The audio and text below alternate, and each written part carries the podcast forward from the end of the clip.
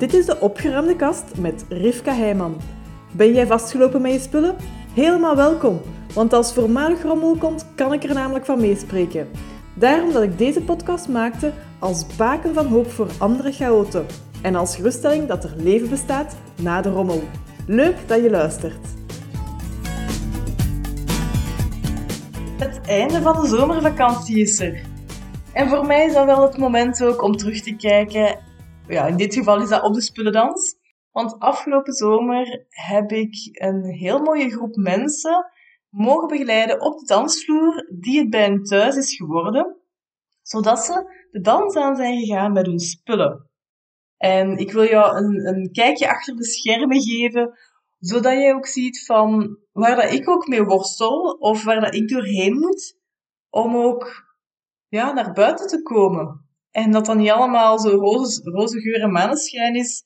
Nee, ik heb ook mijn issues. Ik ben ook mens. Een mens met normale ja, blokkades, twijfels, weerstanden en ook angsten. Dus ik ga jou een stukje meenemen in het verhaal achter de spullendans, omdat ik denk dat je daar ook inspiratie uit kan halen. En, en ja, de mens achter deze stem wat beter ook weer leert kennen. Hè? Oké, de spullendans. Van waar komt die? Het is een idee dat ik op een ochtend vroeg kreeg, een tijdje voor de zomer. En ik dacht, of ik zat eigenlijk vooral te chicken op. Ik spreek zoveel mensen die dat er tegenaan hikken om in actie te komen. Het verhaal dat ze in hun hoofd hebben van wat is opruimen, is een groot, is een log, is een overweldigend verhaal, waardoor dat ze zichzelf al in een stilstand ja, manoeuvreren voordat ze ook nog maar in actie zijn gekomen. Dus ik dacht, oké, dat is het ene verhaal, maar je kunt jezelf ook een ander verhaal vertellen over opruimen. En ik dacht, ja, als ik daarover nadenk, als ik het zo wat laat ja, vloeien in mezelf ook, van wat is opruimen ondertussen voor mij, dan betekent opruimen luchtigheid, bewegingsvrijheid, de speelsheid ook. En dat kwam allemaal in, bij elkaar in het idee van een spullendans. Dansen met uw spullen, dat is het beeld dat er bij mij naar boven kwam als ik dacht aan wat wil ik mensen dan meegeven dat ze associëren met opruimen. En geef toe, zo'n loggroot monster of een berg waar dat je niet eens kunt overkijken, ten opzichte van het concept dat je danst met je spullen, licht, luchtig, speels. Ja, ik weet wel wat ik kies als ik tussen die twee een optie heb. Dus dat was het idee dat ik ochtends vroeg in de tuin kreeg. Daarna kwamen er van die stemmetjes die zeiden van, ja maar Rivka, dat is toch helemaal niet zo volwassen, komt toch niet echt professioneel over, een spullendans, allee, hè? het is niet dat je de stoelendans met kleuters aan het doen bent, hè. En dat waren dus mijn twijfels. Dat waren die stemmetjes vanuit mijn hoofd, die hun normale reflexmatig paadje aan het waren aflopen, die mij probeerden veilig te houden.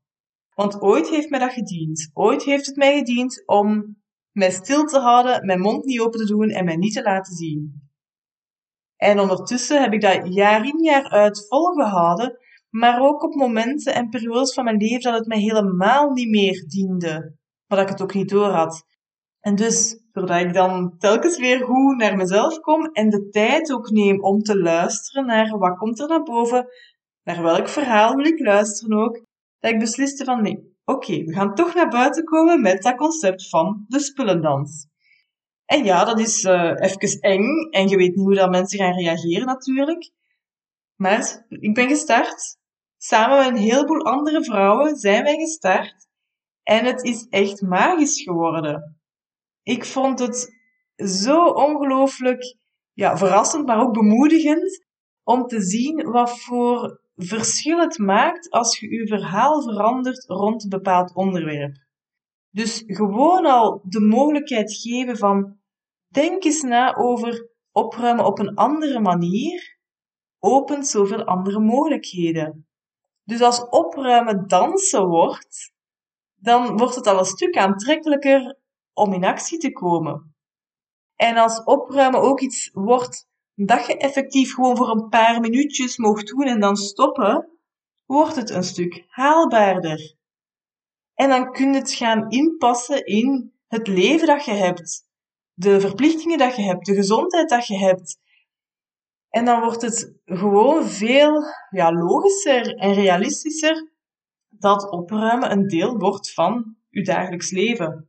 Zonder dat het dat groot slog monster moet blijven waar dat je nooit het aandurft om het in de ogen te gaan kijken en te zeggen, wauw, vandaag is de dag, vandaag ga ik jou verslaan en daarna zijn al mijn problemen van de baan. Daarna heb ik nooit meer rommel, daarna moet ik nooit meer opruimen. Nee, zo werkt het niet.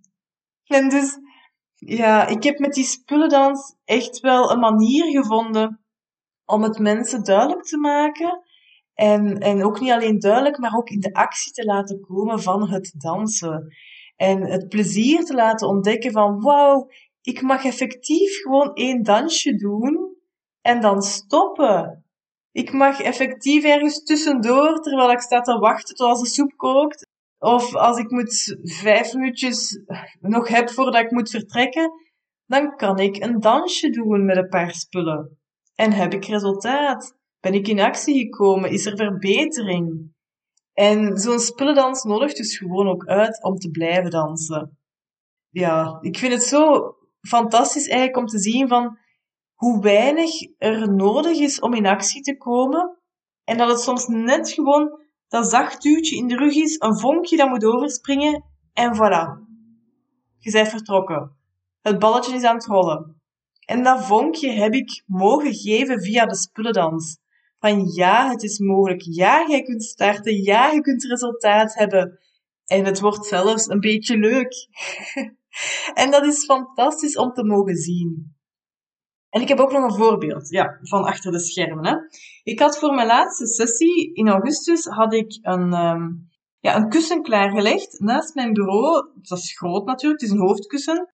En ik dacht, ja, dat ga ik nog helemaal uitleggen aan de mensen om ze ook te inspireren. Want dat is ook hoe dat de spullendans dat ik heb opgezet. Ik geef telkens een, een dansopdracht. En ik deel ook echt realistische, real-life voorbeelden uit mijn eigen leven en van de dansen die ik heb gedaan met mijn spullen. Dus ik had zo'n hoofdkussen klaargelegd en ik ben het compleet vergeten te vertellen tijdens de laatste sessie. Dus ik dacht, oké, misschien kan ik het dan gewoon in een aflevering doen van de podcast en dan inspireer ik er nog wat meer of extra mensen mee. Dus dat verhaal krijgen jullie nu. Het hoofdkussenverhaal. Oké, dus ik was aan een van de laatste dansen bezig van, uh, van de spullendans. En ik kwam bij mijn wasmachine en opeens keek ik daar met andere ogen naar de wassorteerbakken die daarnaast staan. Het zijn zo drie bakken boven elkaar. En ik keek daar opeens bewust naar. En ik zag daar een hoofdkussen liggen in de tweede bak. En ik dacht, oh, ik weet eigenlijk al niet meer hoe lang geleden het is dat dat hoofdkussen daar is terechtgekomen. Ik weet dat ik het heb gewassen toen en dat uh, de vulling zo in allemaal kleine stukjes is gegaan. Waardoor dat ik toen, dat kan misschien twee jaar geleden zijn, dat ik toen besliste, ik ga dat kussen niet meer terugleggen uh, ja, op, op het bed van waar dat kwam. Dat is niet meer bruikbaar om te slapen. Daar is vervanging voor gekomen. En het, dus ja, het slecht, slechte kussen is blijven liggen in de wassorteerbak. Proper en al, jee. Hè, zover waren we al. Maar het is wel blijven liggen. En het is dus zodanig lang blijven liggen dat het deel is geworden van mijn sorteerbakken. Waardoor ik dus mijn tweede bak maar amper voor de helft nog kon gebruiken.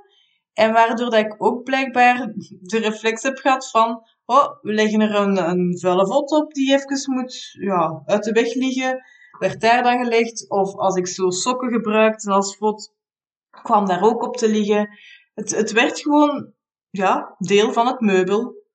Het was niet meer een hoofdkussen. Het was ook niet ja, echt praktisch achteraf gezien, maar ik heb het dus wel een hele tijd volgehouden. Chapeau voor mezelf. Maar ik nam dus dat kussen vast. Eerst twee vodden al eraf genomen. Onder het hoofdkussen lagen blijkbaar nog een paar zo half vuile vodden die ik nog niet had, uh, ja, nog net niet vuil genoeg vond en die ik nog ging gebruiken. Compleet ben vergeten dat het er lag, blijkbaar. En die dus nu wel terug in roulatie zijn gebracht. En dan onder het hoofdkussen lag ook nog een waterslang voor de wasmachine. Eentje die ik compleet was vergeten.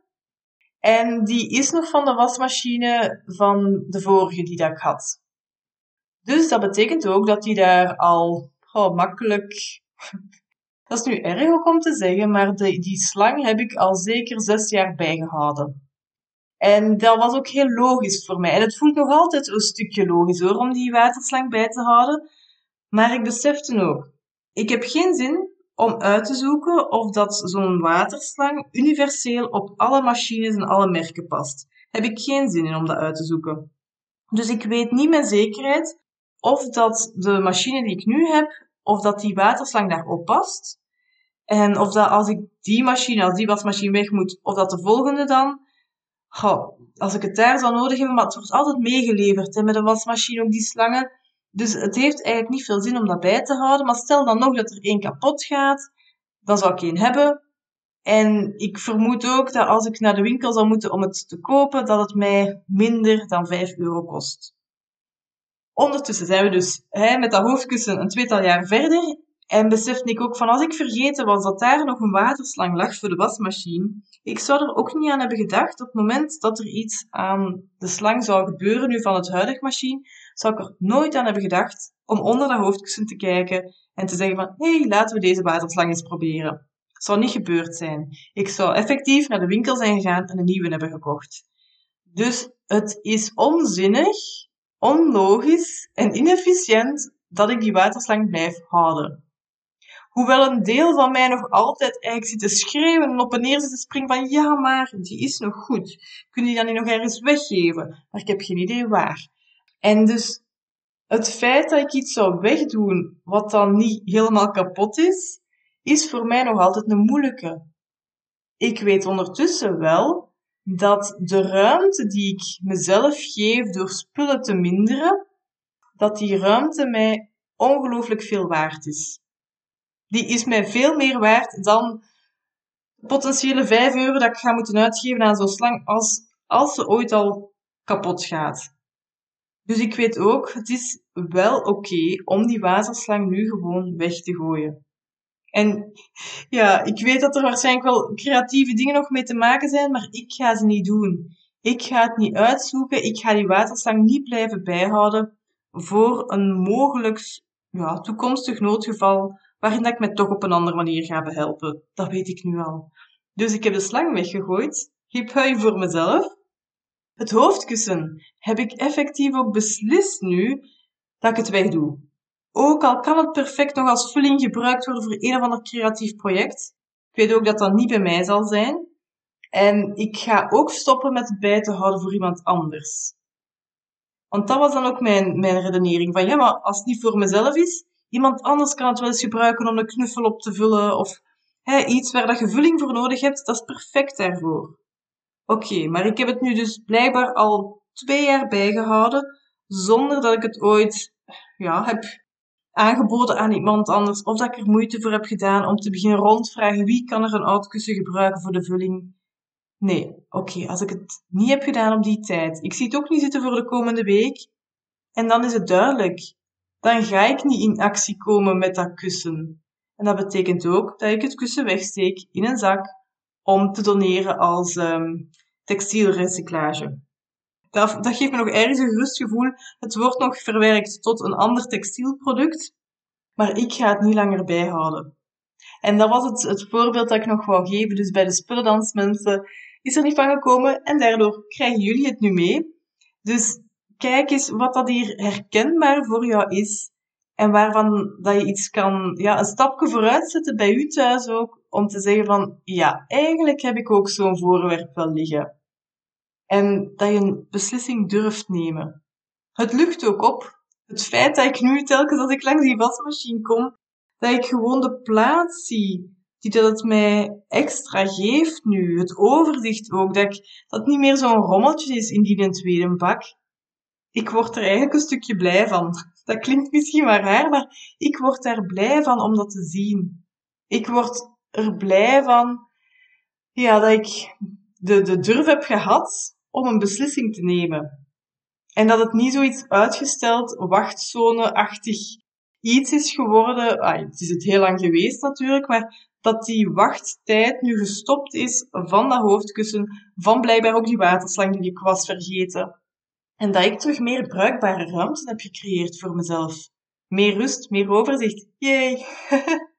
en dus wie voelt zich ook geïnspireerd om vandaag in actie te komen? Um, en als je het wilt doen met de spullendans, heb ik trouwens ook heel leuk nieuws.